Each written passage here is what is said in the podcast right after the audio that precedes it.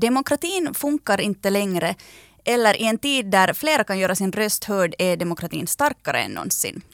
Ja, hur står det riktigt till med demokratin på vår jord? Är populismen ett hot mot demokrati och är demokrati överhuvudtaget rätt väg att gå? Det här är Vetskap, en podd om färsk forskning. Vetskap produceras av Svenska litteratursällskapet i Finland i samarbete med Hufvudstadsbladet. Och jag som leder samtalet heter Hanna Nordensvan och är journalist.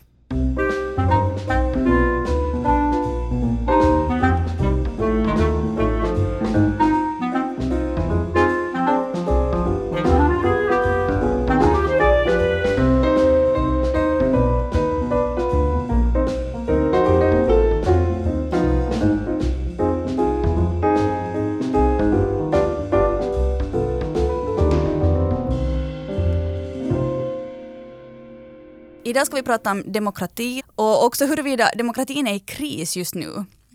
Och med mig för att dela med sig av sin kunskap idag är Ann-Katrin Jungar som är docent i statsvetenskap samt lektor vid Södertörns högskola och Kimmo Grönlund som är professor i statskunskap vid Åbo Akademi. Ann-Katrin, kan du börja med att berätta om vad forskar du i just nu eller vad är det senaste du har forskat i? Jag forskar om högerradikala partier, eller de kallas ju också högerpopulistiska partier. Och för närvarande har jag två projekt som jag forskar eh, i. Det ena handlar om regeringsbildning och högerpopulistiska partier. Det har funnits en tanke om att de inte det, det, det, går inte bra när de sitter i regeringar. Populister kan inte ta ansvar och de, de har ju kommit till makten genom att kritisera etablissemanget och väljarna sviker dem när de samarbetar med de här politikerna som de tidigare har kritiserat. Och sen har jag ett projekt som handlar om högerradikala partiers ungdomsorganisationer. För det är ju politiska ungdomsförbund som växer medan andra politiska partiers ungdomsförbund tenderar att krympa. Jag är intresserad vilka är de, vad gör de, vad är det för aktiviteter man har och, och vad har de för förväntningar vad som ska resultera av deras politiska aktivitet. Ska de göra politisk karriär eller handlar det om socialisering eller att få vänner och ha kul? Och Kimmo, samma fråga till dig. Jag har också kanske två huvudinriktningar.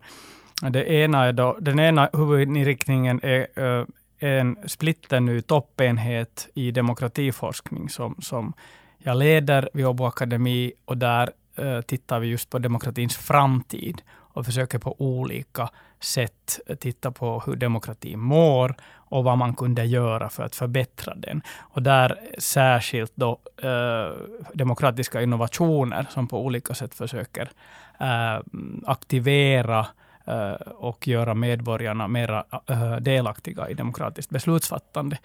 Och sen eh, det andra eh, är, och kanske mer aktuellt, är då den finländska väljarforskningen och jag är ordförande för Finlands valforskning och där har vi precis avslutat då insamlingen efter riksdagsvalet eh, som var i april och, och, nu börjar då processen att analysera varför folk röstade som de gjorde i det här riksdagsvalet. Så du Kimmo forskar i demokrati och Ann-Katrin du tittar på populism. Är de här två sakerna varandras motsatser? Nej, det kan man väl inte säga. Eh, det är klart att, att eh, populisterna är ju verksamma i en demokrati och de är ju inte antidemokrater i sig, inte nödvändigtvis. Därför att när vi tänker på populism idag så tänker vi framför allt på de här partierna som har invandringskritik, EU-kritik eh, som sina främsta politiska eh, frågor. Och samtidigt som de då är kritiska till de etablerade politikerna. De säger att de har svikit väljarna och populisterna utgör sig för att vara eh, folkets sanna eh, företrädare. Och det finns ju en anledning till att de här partierna har fått så stort inflytande i våra politiska system eh, och att väljarna väljer att lägga sina röster på dem. Och man kan säga att demokratin fungerar ju när vi får nya partier och när väljare som kanske annars skulle välja eh, vända ryggen åt politiken eller helt tappa förtroende för politiken finner ett parti eller några som kan eh, tala för dem. Så att på, ett, på det viset så kan man ju säga att, att, att det visar att demokratin fungerar. Mm. Samtidigt så finns det ju hos de här partierna en ideologi eh, som kanske ligger på gränsen när det gäller synen då på mänskliga rättigheter, eh, människovärde, tolerans eh, när det gäller synen på minoriteter. Och ja, man kunde också avslutningsvis säga då att de, jag sa ju att de inte var antidemokrater, men de är kritiska till det som vi kallar den liberala formen av demokrati. Och med liberal demokrati så menar man att man har, naturligtvis har man val och man väljer sina representanter.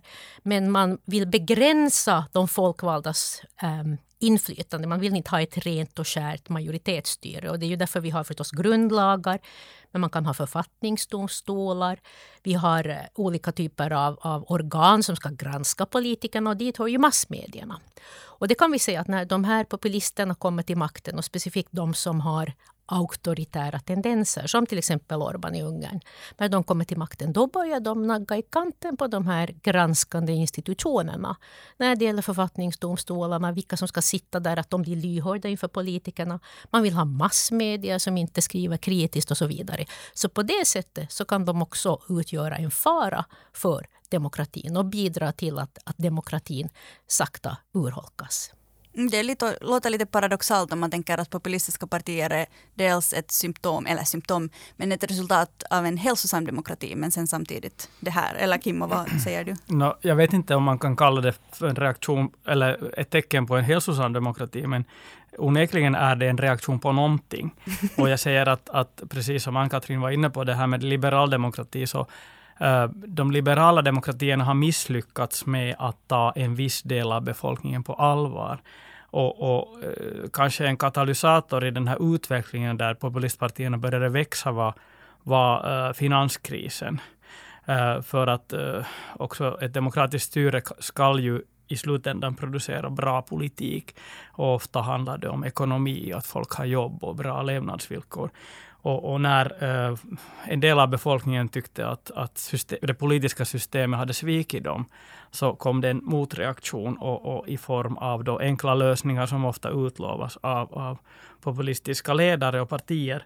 Eh, min, mitt eget svar, som jag är helt övertygad om att, att hade man gjort folk delaktiga i det politiskt beslutsfattande på ett annat sätt redan tidigare, så hade man kanske undvikit den här stora populistiska vågen. För det här handlar ofta om människor som inte deltar i politik på traditionellt sätt. Till exempel i Finland har det ju varit, sannfinländska väljare har ofta varit, eh, valt sofflocket innan. Att, att eh, man borde helt enkelt ha sett till att den, den liberala demokratin som har vissa minimikriterier.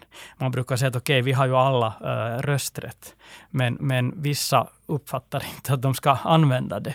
Och det är det här som är kanske då uh, kärnan i min egen forskning och som jag tror att vi helt enkelt bör tänka om. Att den liberala demokratin räcker inte till. För jag menar ju bestämt att den populistiska vägen, som Ann-Katrin sa, som betonar väldigt starkt liksom folkviljan och majoritetsstyre och inte alltid beaktar olika eh, minoriteter, så det är inte en hållbar utveckling. Då tänker jag kanske vi ska ta och definiera demokrati, eller ni ska kanske mm. definiera demokrati. Alltså det betyder ju ordagrant folkstyre, det är liksom etymologin. Men vad är demokrati? No, det finns minimidefinitioner.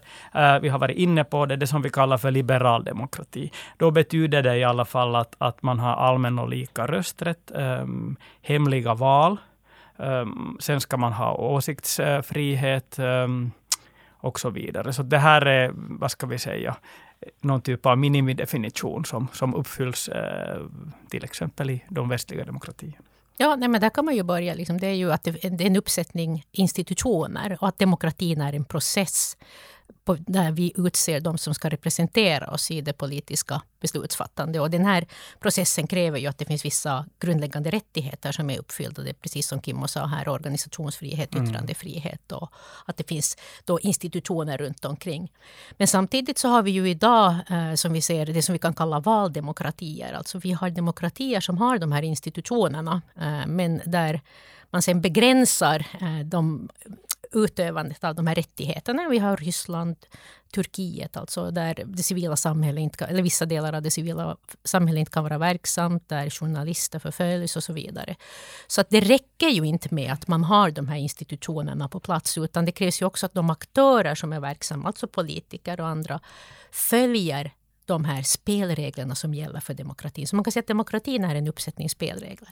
Och sen kan man säga, kan man tala om olika typer av konsolidering, alltså hur befäst demokratin är.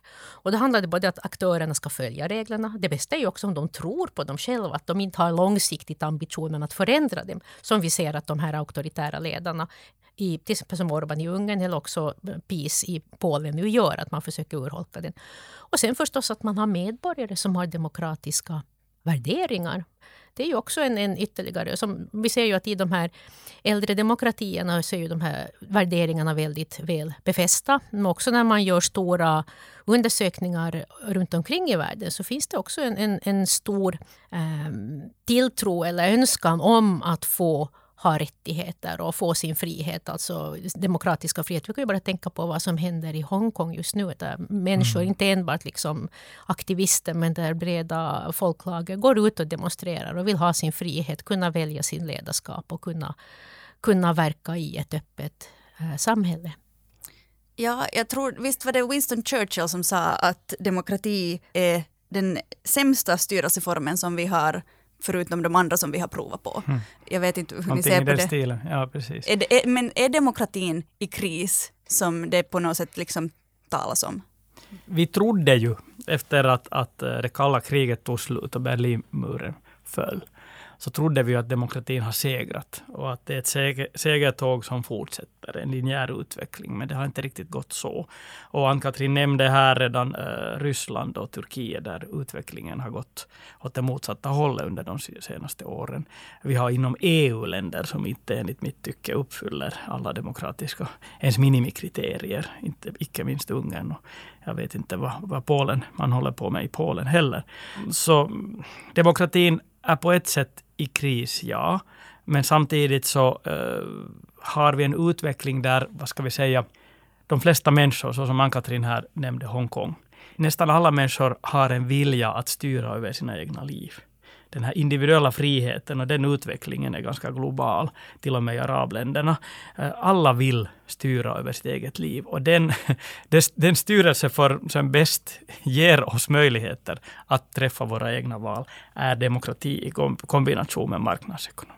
Så jag tror nog på demokratin på sikt, men, men den här, vad ska vi säga, backlashen har varit lite, åtminstone för mig, en, en ganska stor överraskning man kan ju säga i den statsvetenskapliga forskningen nu så är det ju mycket, som, mycket forskning som handlar om det som man kallar då eh, demokratiskt tillbakadragande eller backsliding som det heter mm. på, på engelska. Och det finns många både forskare men också då institut som på olika sätt mäter demokrat, demokrati och frihet som nu finner att det faktiskt är demokratiska tillbakagångar. Både då förstås i Europa och USA men ännu mer i Latinamerika och även då i, som vi nämnde, Ryssland, Turkiet. Och vi ser ju inga framgångar heller i Kina eller i, i, eh, i arabvärlden när det gäller de här demokratiska rättigheterna. Och, så man kan ju säga att, att det är en, en demokratisk tillbakagång. Men, men forskarna är oeniga om hur stor den är och om det är verkligen en det finns då en, en, en statsvetare som heter Samuel Huntington och han skrev, har, har myntat det här begreppet om demokratiska vågor och motvågor. Och det som Kimmo berättade om var då att efter eh, vi hade ju efter andra världskriget, nazismen, fascismen, så var det ju en stark demokratiseringsprocess i västvärlden. Eh, och, och senare så följde ju då eh, det som hände i Latinamerika när militärdiktaturerna föll. Afrika, demokratiseringen, vi kan framförallt tänka på Sydafrika när apartheidregimen Eh, bröts. Eh, och sen följde ju Central och Östeuropa efter murens fall 89. Och man hade också stora förhoppningar att, att Ryssland skulle följa med på den här demokratiska vågen. Och att vi nu då ser en motvåg. Och det är en tillbakagång när det gäller demokratiska friheter. Men den är kanske inte så stor att man kan säga att vi har en demokratisk motvåg ännu. Men det händer saker. Jag menar, tänk på Bolsonaro i Brasilien och vad som händer. Så vi har, jag tycker inte att man ska mm, underskatta det som händer utan vara uppmärksam. Och det är ju som särskiljer de tidigare demokratiska tillbakagångarna var ju att förut så var det liksom kupper eller det var liksom någon som tog över på ett kuppartat sätt. Man, men nu är de här tillbakagångarna liksom gradvis och stegvis och smygande och, och, och eh, sker också via demokratiska val. Jag menar, Orban har ju blivit vald via en demokratisk process och, och det sker på ett, ett Bolsonaro även så. Och så. så det, är liksom, det är väl det som är det här att vi har den här typen av semidemokratier som, som sakta rullas tillbaka. Kimmo, jag vill prata lite om det här du har gjort, du varit med och gjort ett experiment, ett demokratiexperiment som i nästan så här laboratorieliknande förhållanden, vilket man kanske inte alltid tänker på när man tänker på statsvetenskap. Kan du berätta lite om det?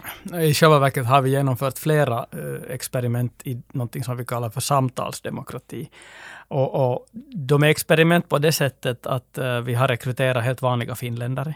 Och det har varit slumpmässig allokering till olika behandlingar som det heter.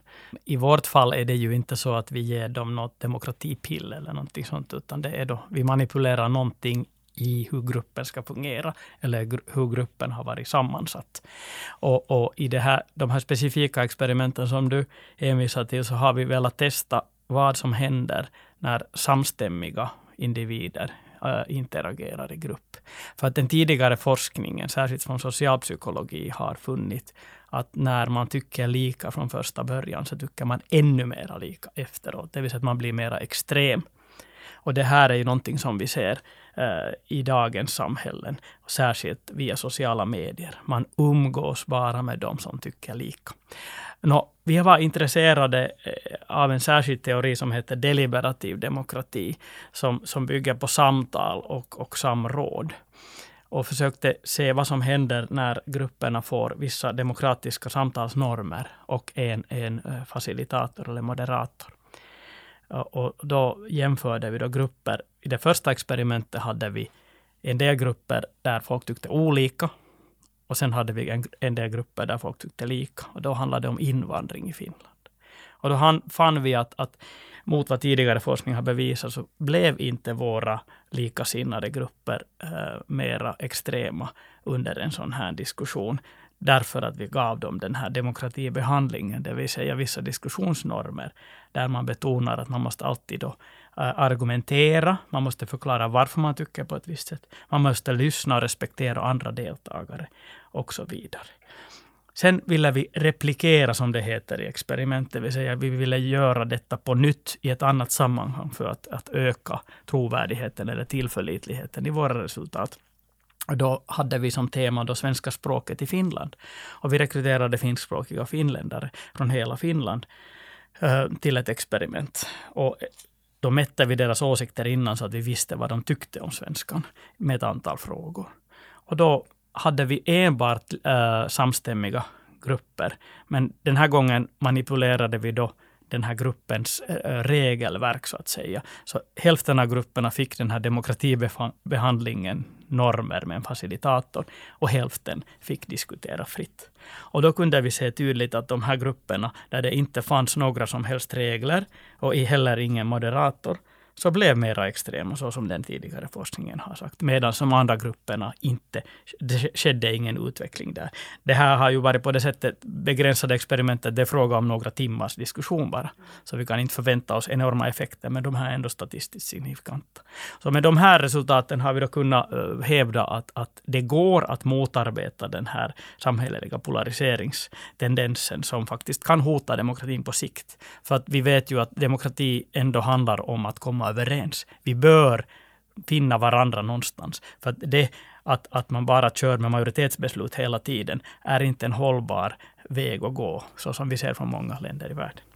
Så att vi, be, mm, vi behöver mera regler i vår demokrati? No, det här har nu bara, eftersom jag är forskare så, så vill jag nu inte hävda att jag på något vis försöker lösa demokratins problem på det här sättet. Men det är ändå en viktig kunskap att det går att motarbeta. Det vill säga den där vedertagna sanningen som vi har haft att om vi tycker lika från första början så blir vi ännu mera äh, extrema efter en sån diskussion. Så det går att motarbeta om man, om man vet vad man gör. Och man, visst kan man applicera det på sociala medier om man vill.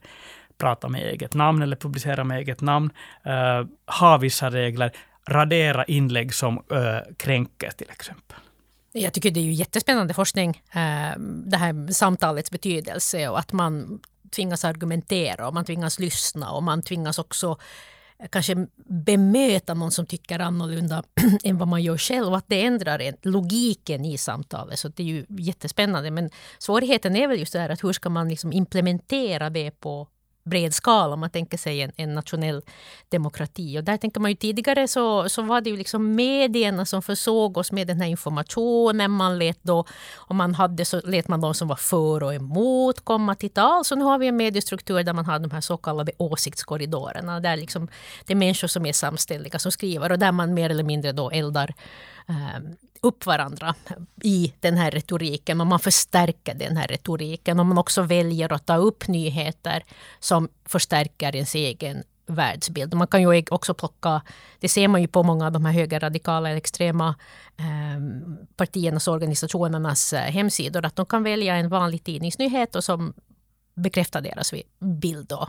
Och sen så fortsätter man en egen diskussion och spinner vidare på och sen så blir den liksom bara mer ja, extrem hela tiden när det går. Så att, eh, det skulle vara jättespännande att höra vad, vad, hur, hur man skulle kunna göra det där på, på stor, i stor, större skala. Jag tror att där har vi många, stora möjligheter och det var därför jag inledde med att den liberala demokratin har lite misslyckats med att, att eh, göra folk delaktiga. Ehm, jag har mycket samarbete med en kollega, professor James Fishkin vid Stanford. Eh, han har utvecklat en metod som man kallar för deliberative polling, som kunde kanske översättas som en genomtänkt opinions mätning eller opinionsundersökning som bygger på samma logik som vi haft i våra experiment, det vill säga att man har en, en eh, slumpmässigt vald grupp individer som sen samlas och allokeras i små grupper. De får information, de kan utfråga experter, de diskuterar och efter det så får man veta vad folkets genomtänkta åsikt vore om de hade den möjligheten som de här människorna har haft.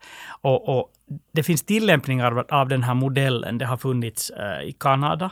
Eh, I British Columbia, delstaten, hade man eh, ett försök att reformera valsystemet. Och man, man tillämpade det här systemet. Eh, man har i, på Irland har man ju haft eh, Citizens Assembly, en sån medborgarsamling som har faktiskt de facto haft stor betydelse. Man har ju kunnat förnya grundlagen då Irland eh, på rekommendation av den här Citizens Assembly. Man har haft folkomröstning. De fick till exempel uh, könsneutralt äktenskap. De har varit fråga om abort och så vidare. Så det har tillämpats i världen och jag tror att det här är någonting som, som de nordiska demokratierna borde faktiskt fundera på. Av någon anledning har man inte varit så intresserad i våra länder. Och jag hävdar att det har delvis att göra med det att vi har en stark tradition av uh, ett starkt civilt samhälle, som Ann-Katrin var inne på. Vi har också haft masspartier som har kanske haft en funktion, men i dagens läge är de mer och mer varpartier. Det saknas alltså en koppling mellan folket och eliten. Och den kopplingen säger sig de här populistpartierna fylla. Men jag hävdar, och många andra med mig, att vi borde gå en annan väg och reformera då det demokratiska systemet så att, att vi inte bara förlitar oss på val som en valmekanism. Det, det, är ju, det är ju, finns ju mycket, mycket att tänka på kring, kring hur demokratin utformas. Och det som man då kan invända kanske mot den deliberativa formen av demokratin är ju den här representationstanken. För att när det krävs att man ska kunna delta i ett samtal och så vidare så krävs det att man har resurser av olika slag. Och vi vet ju av forskning att det är de som är socioekonomiskt starka, välutbildade som kan göra sin röst hörd. Och det kan ju bidra då till en, en, en eh, mindre, mindre, representativ och större, mindre representativitet och större ojämlikhet. Och i statsvetenskapen så brukar vi fundera och resonera kring vad är det som gör att medborgare gilla demokratin och acceptera demokratin. Och då kan man tänka sig att det handlar om det att man får vara med i de demokratiska processerna. Det vill säga att de här, man får rösta och man får välja sina representanter och, och sådär. Och det är det som man brukar kalla då input-legitimitet. Men sen kan man ju också tänka att man gillar demokrati därför att den ger en någonting. Det ger en det som man har, eh, som man, de här politikerna som har röstat på gett. Jag menar, vi ser ju att i Norden så har ju demokratin hängt samman med välfärdsstaten. Också i Europa kan man säga att demokratin konsoliderades därför att man kände att man fick någonting från det politiska systemet.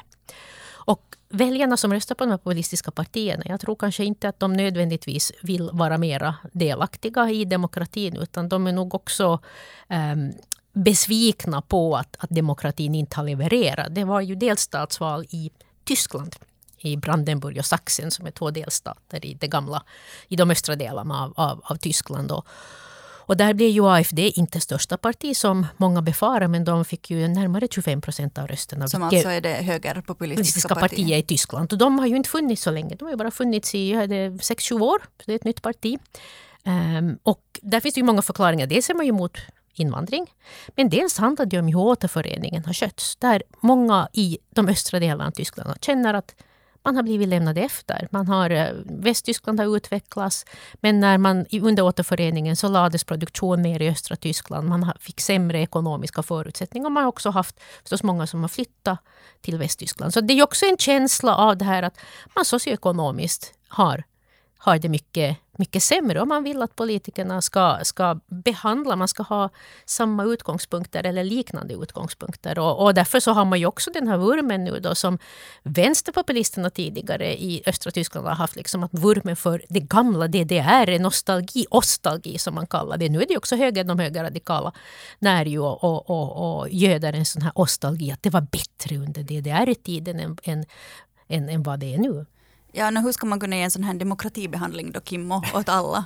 no, det är jättebra att Ann-Katrin tar upp det här med legitimitet. Och, och, vi kan ju alltså differentiera mellan olika typer av legitimitet. Och det här som eh, Ann-Katrin talar om, input, det vill säga hur hörs hur responsivt är systemet? Hur, hur förmedlas folkets förväntningar till det politiska systemet? Och sen output, det vill säga det som kommer ut från systemet. Hurdana hur beslut fattar man? Hur ser det ut för medborgarna? Där talade jag tidigare också om finanskrisen, att det ser ut som om politiken har misslyckats. Men sen har vi någonting däremellan som vi också kan kalla throughput, eller det som händer i det där systemet i sig. Legitimiteten i hur beslut fattas. Och det är där jag hävdar att, att vi kan reformera det, det demokratiska systemet. Det finns en liten skillnad mellan, mellan Finland och Sverige. Eh, där det svenska politiska systemet fungerar kanske bättre. Därför att om vi tänker till exempel på ett klassiskt mått på systemlegitimitet, valdeltagandet, så är det ju ungefär 15 procentenheter högre i Sverige. Eh, Även om det egentligen inte finns någonting som förklarar det. Om vi tittar på de klassiska förklaringsfaktorerna. Äh, äh, avsaknad av, av korruption, jämlikhet, Eh, social tillit, det vill säga att vi litar på varandra. Det är väldigt viktigt för demokratin. Också att vi litar på det politiska systemet, de demokratiska institutionerna, framförallt riksdagen. Eh, men också att vi litar på de implementerande institutionerna, såsom polisen, eh, rättsväsendet, skattemyndigheten och så vidare. Det finns inga stora skillnader där mellan Finland och Sverige. Snarare så att, att, att tilliten är högre i Finland och också jämlikheten idag när det gäller ekonomisk jämlikhet. Men ändå så lyckas det svenska demokratiska systemet engagera medborgarna bättre. Så jag tror att det är på ett sätt äh, lite av en synvilla att, att våra svenska kollegor dit jag nu inte räknar Ann-Katrin, så, så brukar vara väldigt eh, ska vi säga, skeptiska till olika demokratiska reformer. Medan vi i Finland, för att inte tala om amerikanska kollegor, talar väldigt varmt för detta. Så det har lite att göra med det att av någon anledning fungerar eller presterar det finska systemet sämre än det svenska. Och, och det här är ganska intressant och det finns ingen tydlig förklaring. Kanske det att vi inte haft tydliga regeringsalternativ i Finland. Det är en förklaring. Men nu kom det ju nyligen en, en sån här framtidsbarometer som Sitra-fonden gjorde, uh, som visar att, att finländare just bryr sig om framtiden och man vill påverka, men man vet nödvändigtvis inte hur man ska göra det. Och sen så steg ju valdeltagande i Finland nu i riksdagsvalet i, i våras. Hur ser ni då att ändå demokrati mår i Finland och är det här att det stiger, kan det ha att göra med just då att populismen är populär?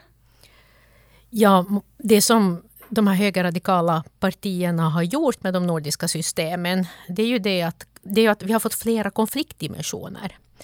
Eh, nordisk politik har ju präglats av socioekonomisk höger-vänster. Eh, men för när vi tänker höger och vänster så det fångar inte upp, det betyder så mycket många saker. Så att nu för tiden så, så för att göra det enkelt så tänker vi politik, alltså hur partierna positionera sig, hur väljarna tänker om politik i höger och vänster. Och det socioekonomiska höger och vänster har ju varit dominerande. Höger är ju då lägre skatter, privatisering, eh, marknad framför statskontroll medan då vänstern är ju välfärdsstat, social, socioekonomisk jämlikhet och så vidare.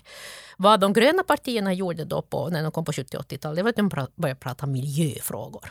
Och I början så försökte de etablerade partierna tysta ner dem så de inte skulle växa, men de misslyckades ju. Och då fick man ju miljöfrågan in och alla de övriga partierna, ja men de la till lite så miljöpolitik för att försöka konkurrera och hålla, hålla, hålla kvar sina väljare. Men eh, i olika, olika grad. Men när de högerradikala partierna kom, då fick man en motpol till miljöpartierna. Och det är ju den här, vi brukar kalla det liberal auktoritär dimension eller galtan. Eh, gal består, betyder grön, alternativ um, och liberal. Och tan betyder tradition, auktoritet och nationalism. De högerradikala partierna, uh, högerpopulisterna vad vi kallar dem, de står ju för nationalism anti-immigration, anti-EU. De är ofta auktoritära, de tror på, på auktoriteter. Man ska ha liksom ordning och reda, lag och ordning. Brottslingar ska ha högre straff. Och sen tradition, alltså det, är mycket, det kan ju som religion, gamla värderingar, vi ska värna det, det traditionella, vi ska vara konservativa. Och de högerradikala partierna har ju nu liksom fått den här konfliktdimensionen att bli allt viktigare i Norden. Och I vissa val, så, redan 2011, så var den här dimensionen viktig, viktigare än den socioekonomiska för, för samhällena. har blivit det förstås nu efter splittringen och när alla har tagit över så är det ju den dimensionen som är den allra viktigaste för de här. Och det gör ju att, att de här högerpopulistiska partierna, om vi tänker på valdeltagandet, gröna gick ju väldigt mycket fram i Finland, i Tyskland. Och det är många unga människor nu som bryr sig och är oroliga för klimatet. Så vi ser ju en ny mobilisering, men det är en mobilisering med nya politiska eh, frågor till viss del. Det betyder inte att den, de socioekonomiska frågorna är helt frånvarande, men det, det, finns många dimensioner i det politiska. Och här finns det ju en möjlighet för politiska partier nu då att kunna mobilisera eh, väljare och skapa en tilltro till att också gå och rösta i val och inte enbart gå och demonstrera eller eh, vara aktiv på sociala medier och skriva inlägg, utan att man får en tilltro till det politiska systemet. Eh, det här är en väldigt bra beskrivning av, av eh, de viktigaste konfliktdimensionerna som vi har. Vi har ju givetvis också en tredje och det handlar kanske mest om centrum och periferi, det vill säga urbana och rurala områden som i Finlands fall har varit då Centern som har stått för de rurala. Men, men när det gäller då dagens samhällsklimat och till exempel röstning vid, vid riksdagsvalet 2019, så ser vi vår, våra nyaste data från ÅA.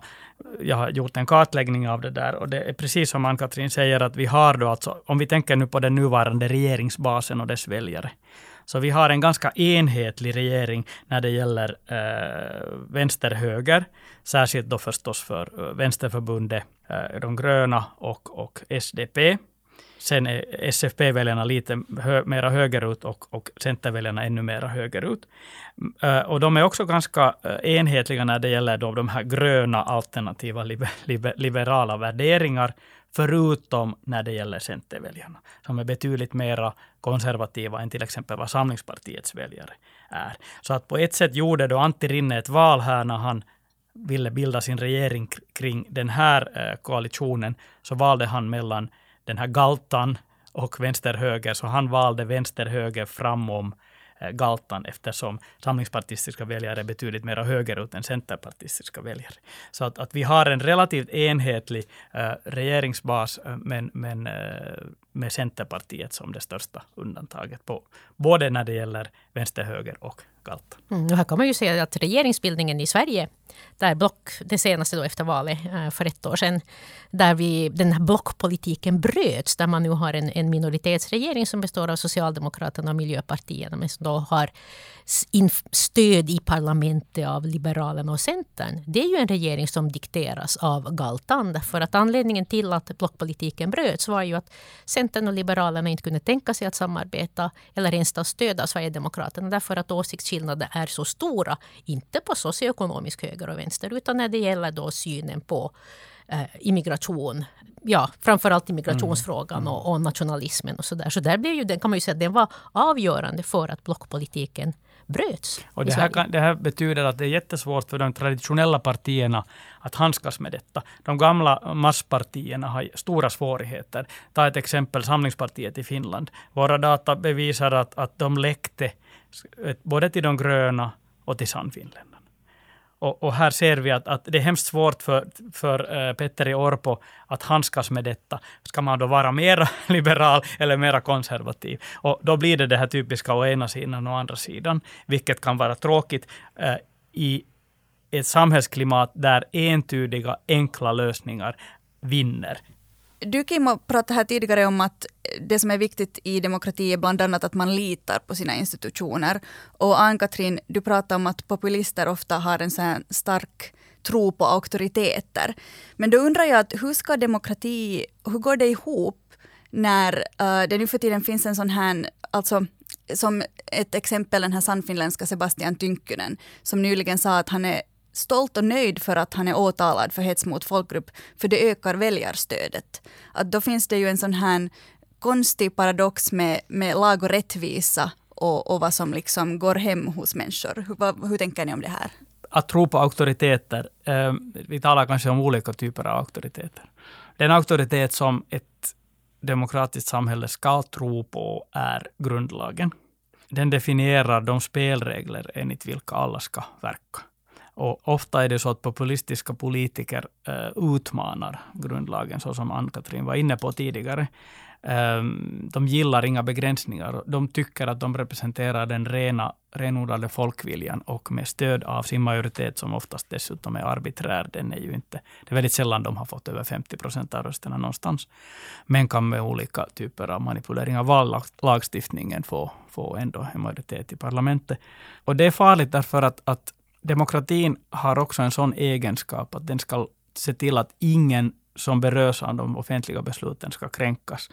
Ehm, alla intressen ska höras på sätt eller annat. Och det är därför vi har minoritet, olika typer av minoritetsskydd till exempel i grundlagen. Och icke minst när det gäller den finlandssvenska befolkningen så är det ytterst viktigt att, att grundlagen står där mellan då eh, eventuella populistiska försök att kränka våra rättigheter och eh, den praxis som vi är, vi är vana vid. Det vill säga till exempel rätten att använda svenska i, i domstolar och i, i, när det gäller vård. Det är ju inte så att, att um, populister högaktar auktoriteter, men de har ofta auktoritära värderingar. Det finns en gammal forskning man från den tyska egentligen som man pratar om authoritarian personality. Mm. Det vill säga man tror liksom på att yngre ska respektera de äldre. Det ska vara ordning och reda i klassrum. Man ska respektera gamla värderingar som religion. Alltså man är någon form av konservativa värderingar. Och det är det man brukar tänka på att de här populisterna är. Nu är det ju nödvändigtvis inte alltid så. Eh, utan vad populisterna gör ju, det är ju att de är ju kritiska till de som är auktoriteterna, alltså de etablerade politiska partierna, de så kallade, vad brukar ni prata, det gröna eh, kulturetablissemanget, i alla fall Jimmy Åkesson pratar ju om det vänsterliberala kulturetablissemanget. Man har ju också en stor skepsis inför forskning eh, när det gäller klimatfrågor, eh, vaccinmotstånd till exempel. Så där finns det ju en stor kritik av auktoriteter, och speciellt om auktoriteterna är väldigt samstämmiga. Men när Sebastian Tynkkynen kräver sin rätt att få säga vad han vill, då är det ju en kritik att man tycker att man begränsar yttrandefriheten. Och det är ju en jättestor diskussion. Ja, men vad ska man få säga om man har yttrandefrihet eller organisationsfrihet? Ska vi tillåta nazistiska organisationer? Ska vi tillåta nazistiska slagord eller antisemitism på våra gator? Och det är ju därför vi har en lagstiftning där man begränsar i alla fall yttrandefriheten därför att det kränker då enskilda individer eller grupper. Och när man då eh, generaliserar kring muslimer eller judar eller svenskspråkiga eller någon viss grupp. Så det där är ju en, en balansgång hur mycket inskränkning man ska göra. Eller också då om man ska... I Finland har man ju då eh, mer eller mindre förbjudit Nordiska motståndsrörelsen. Och det är ju också en, en begränsning, alltså att man, man begränsar demokratin i syfte att på något sätt försvara demokratin. Och det finns en stor diskussion som handlar om, om då demokratins självförsvar.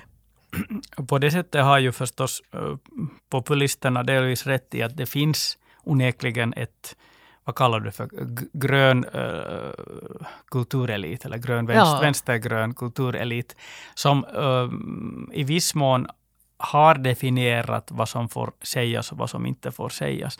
Men, men det finns ju en inbyggd logik i det som, som Ann-Katrin säger, det vill säga vi försvarar demokratin. Uh, en tysk statsvetare, Christian Welzel, uh, eh, har definierat det ganska bra. Han har sagt så här att toleranta människor tolererar inte intoleranta åsikter. Och det betyder alltså att den här vänstergröna eliten äh, tolererar egentligen inte att någon är rasist.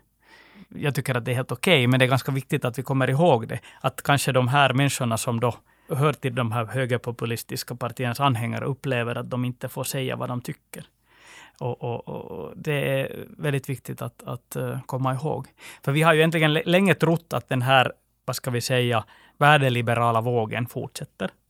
Och, och, den gruppen har växt. Men samtidigt har det kommit då en motreaktion, som är alltså då den här TAN, traditionell auktoritär nationalistisk grupperingen, som, som också i Finland har växt Eh, men inte, är inte någon majoritet. Så att vi har liksom de här två polerna återigen. Så samhällets polarisering har, har fortsatt och de här två har svårt med varandra. Mm. Men vi har ju åsiktsfrihet. Så det är mm. klart att i ett demokratiskt system så får man vara rasist.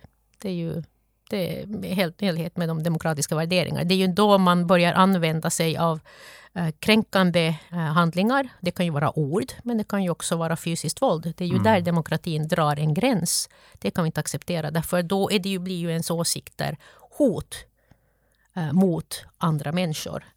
Så det, och, det där är ju väldigt bra att komma ihåg. Att vi får acceptera att, att, och tolerera andra åsikter i våra samhällen på olika eh, sätt. På ett sätt kan man ju säga att de här inskränkningarna när det gäller yttrandefrihet och beteende är lite samma sak som våra demokratiska diskussionsregler i den här diskussionen. Förstås att man försöker se till att, att ingens yttre attribut har någon betydelse, utan det som man säger.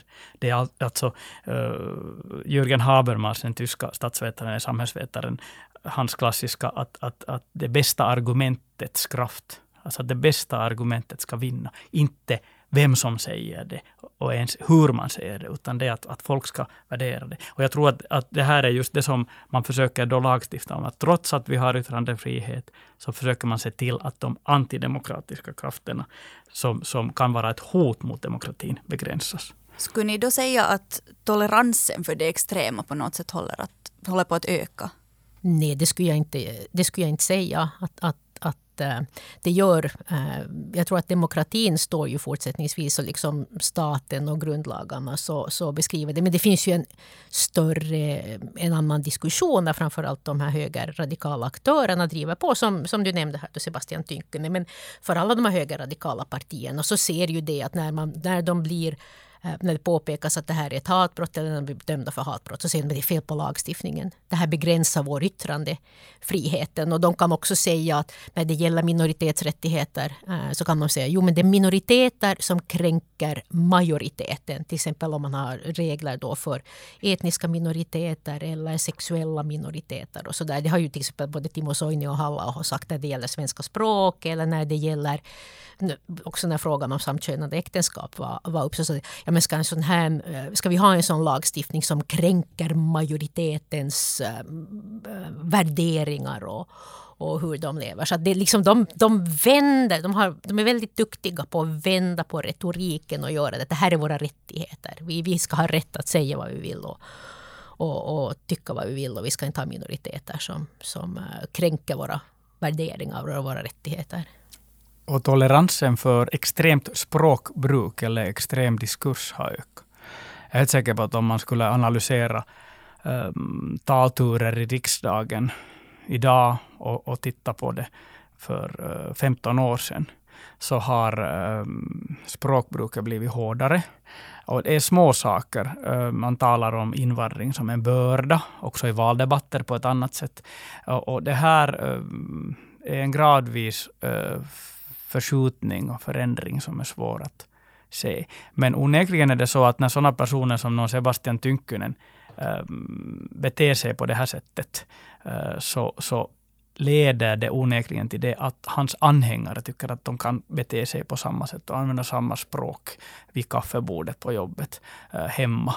Så att, att, på det sättet är jag lite orolig över det att, att den här ömsesidiga respekten där man ändå hade uppnått ganska mycket när det gäller tolerans, icke minst gentemot uh, andra språkgrupper, andra religioner, andra eh, etniska bakgrunder uh, och, och, sexuella minoriteter, har ökat. Vi har ju en klar utveckling. Om vi tittar, och det finns europeiska mätningar, heter European Social Survey till exempel, där vi ser att värdeförändringen har varit stor och man accepterar det annorlunda mer och mer. Men samtidigt har vi alltså en grupp som på något vis har uppstått som en motreaktion. Och den har växt även om medelvärdet, den stora majoriteten, har blivit mer liberal. Och jag är mer orolig över det att när den, den här gruppen liksom använder ett kränkande språk hela tiden, att vad har det för konsekvenser? Det kan leda till våld, har redan gjort det. Eh, Sådana konflikter som inte är bra för vårt nordiska välfärdssamhälle. Vi trodde ju på något vis, eller åtminstone jag var så naiv att jag trodde att vi lever i ett paradis. Att vi är också vaccinerade mot högerextrema åsikter. Därför att vi har ju det här välfärdssamhället som borde ta hand om de här människorna som råkar illa ut. Men det, det funkar inte. Nej. Jag menar, du, du har helt rätt i det, liksom, att, att, att, att språkbruket, har, språkbruket har förändrats. Så att det är liksom någon form av vulgarisering. Och, och där finns ju förstås den här populistiska retoriken som är liksom ganska svartvit. Mm. Det är motpoler, det är vän och fiender. Och, och så. Men, men den här retoriken har ju också haft en, en, en, en gynnsam jordmån att ge uttryck för. För vi har ju också ett medielandskap som har förändrats. Och där vi har medier som också vill ha eh, starka nyheter, starka röster och där man gynnas av att man har. Så att jag tror att hela den här polariseringen i våra diskussioner också har, har andra bakgrundsfaktorer än att i det politiska utan också i aktörer som ligger nära det politiska, alltså medier och andra. Där man, och speciellt tabloidmedia som, som verkligen närs av, av det här. Tänk nu bara på, på hela Brexit-folkomröstningen och hur medierna agerade där och var nästan var megafoner. De bara älskade när uh, Boris Johnson kom ut med något väldigt saftigt uttalande. Och därför också faktagranskningen var ju mm. väldigt liten. Mm. Men hur, hur tänker ni då kring sådana alltså obligatoriska val som de har till exempel i Australien och jag tror i Peru, att man alltså måste rösta. Eh, skulle det öka demokratin? Röstplikt. Röstplikt. Det har man också i Belgien och Luxemburg. Man får en bot om man inte röstar. Eh, jag hör inte till någon anhängare av det här systemet. Främst av, av den eh, orsaken att, att när man röstar så borde man ju veta tillräckligt mycket. Och, och, eh, jag har tidigare hållit på med politisk kunskap, vad folk vet. Och, och just till exempel i Belgien så funkar inga gamla mönster. Eftersom alla måste rösta så, så är en stor del av sådana som inte ens håller sig informerade. Så att på ett sätt tycker jag nog att det är bättre att man får välja. Men, men man borde nog försöka på olika sätt motverka det att, att, att det är så väldigt socioekonomiskt skevt vilka som röstar och vilka som inte röstar. Men det här är en fråga som jag ställer till mina studenter när de börjar läsa statsvetenskap. Så har vi ett seminarium där de ska diskutera om man ska införa röstplikt. Och eh, där finns det ju många eh, både mot och för-argument. Och de ska ju då välja något, något argument. De får liksom ta fiktiva roller. Och en, ett argument är förstås det här att, att folket vet inte sitt eget bästa. Att man tvingar folk att gå och rösta som inte har någon åsikt. Men det kan man ju, och därför ska man få välja. Men inte kan vi ju vara säkra på att heller att de som går och röstar på ett politiskt parti eller en kandidat heller vet så himla mycket mm. fast de går och mm. röstar. Mm. Och, eh, och ett, ett, argument som talar för röstplikt är ju det här med att, att vi vet ju att de som går och röstar det är ju också uh, i högre grad de som är Eh, Eh, har högre utbildning, socioekonomisk eh, bättre position. Vi vet att äldre röstar mer än yngre för de har kvar den här gamla röstplikten.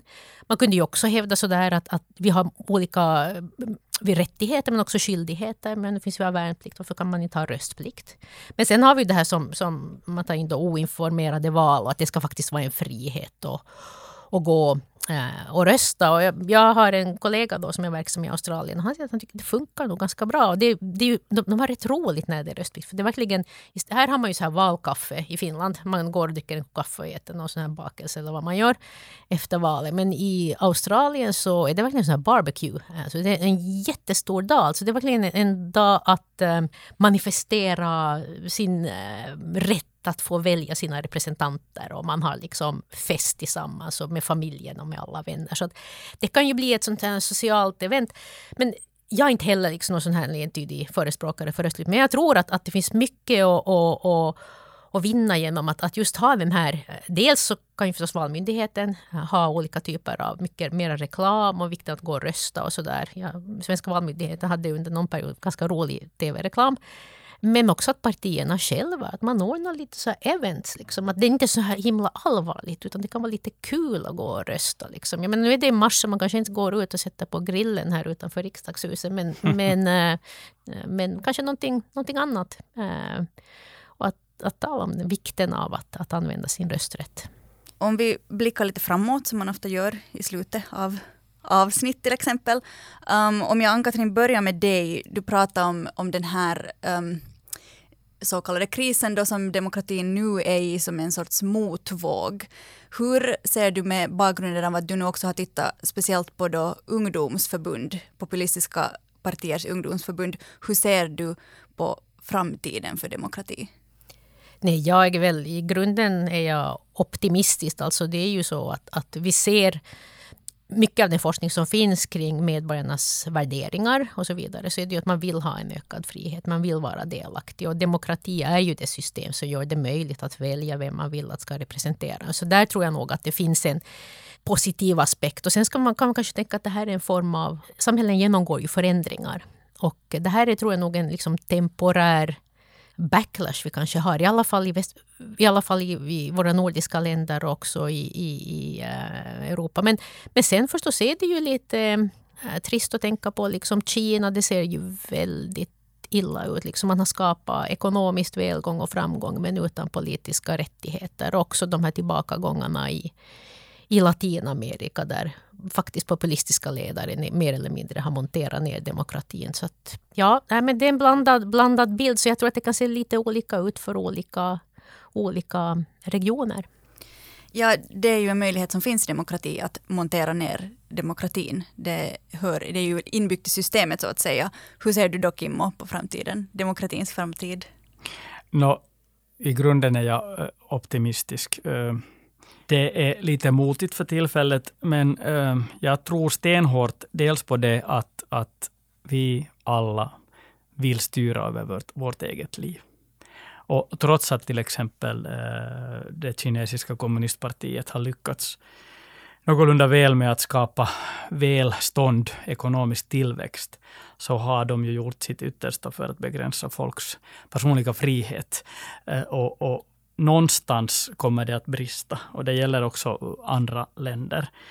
Det kan vara svårt, men, men i slutändan tror jag att demokratin vinner. Samtidigt tror jag att vi har en skyldighet, eh, alltså dels personligt ett, ett, personligt ansvar som statsvetare, men också vi, vad ska vi säga, de bästa länderna i världen, som faktiskt de nordiska länderna är.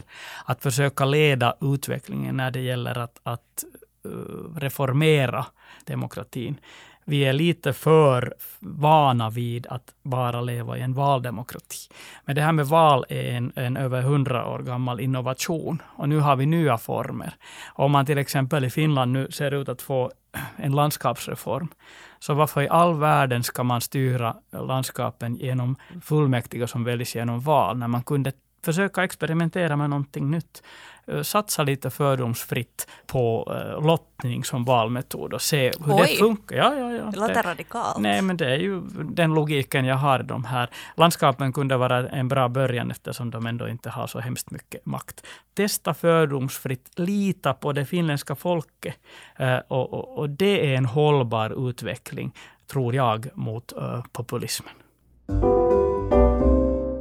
I varje avsnitt får ju då en forskare från ett annat avsnitt ställa en fråga åt de som är här idag. Och nu den här veckan så är det Blanka Henriksson som är folklorist som får ställa en fråga till er. Jag tänkte fråga, egentligen känns demokrati som ett ganska enkelt koncept. Någonting som vi alla vill ha och som vi är överens om att det är bra. Varför är demokrati så komplicerat och varför är vi så osams om vad demokrati är?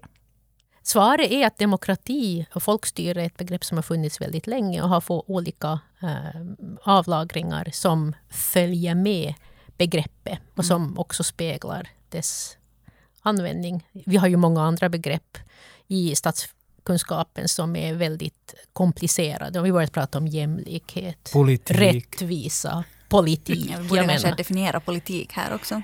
Men uh, vi är relativt överens om vad som kännetecknar en minimiversion av demokrati, det som vi har beskrivit som en liberal demokrati. Uh, men sen finns det ingen konsensus uh, om vad som kunde vara maxidefinitionen. Så att, uh, i princip så borde det väl vara det då att alla intressen kan beaktas.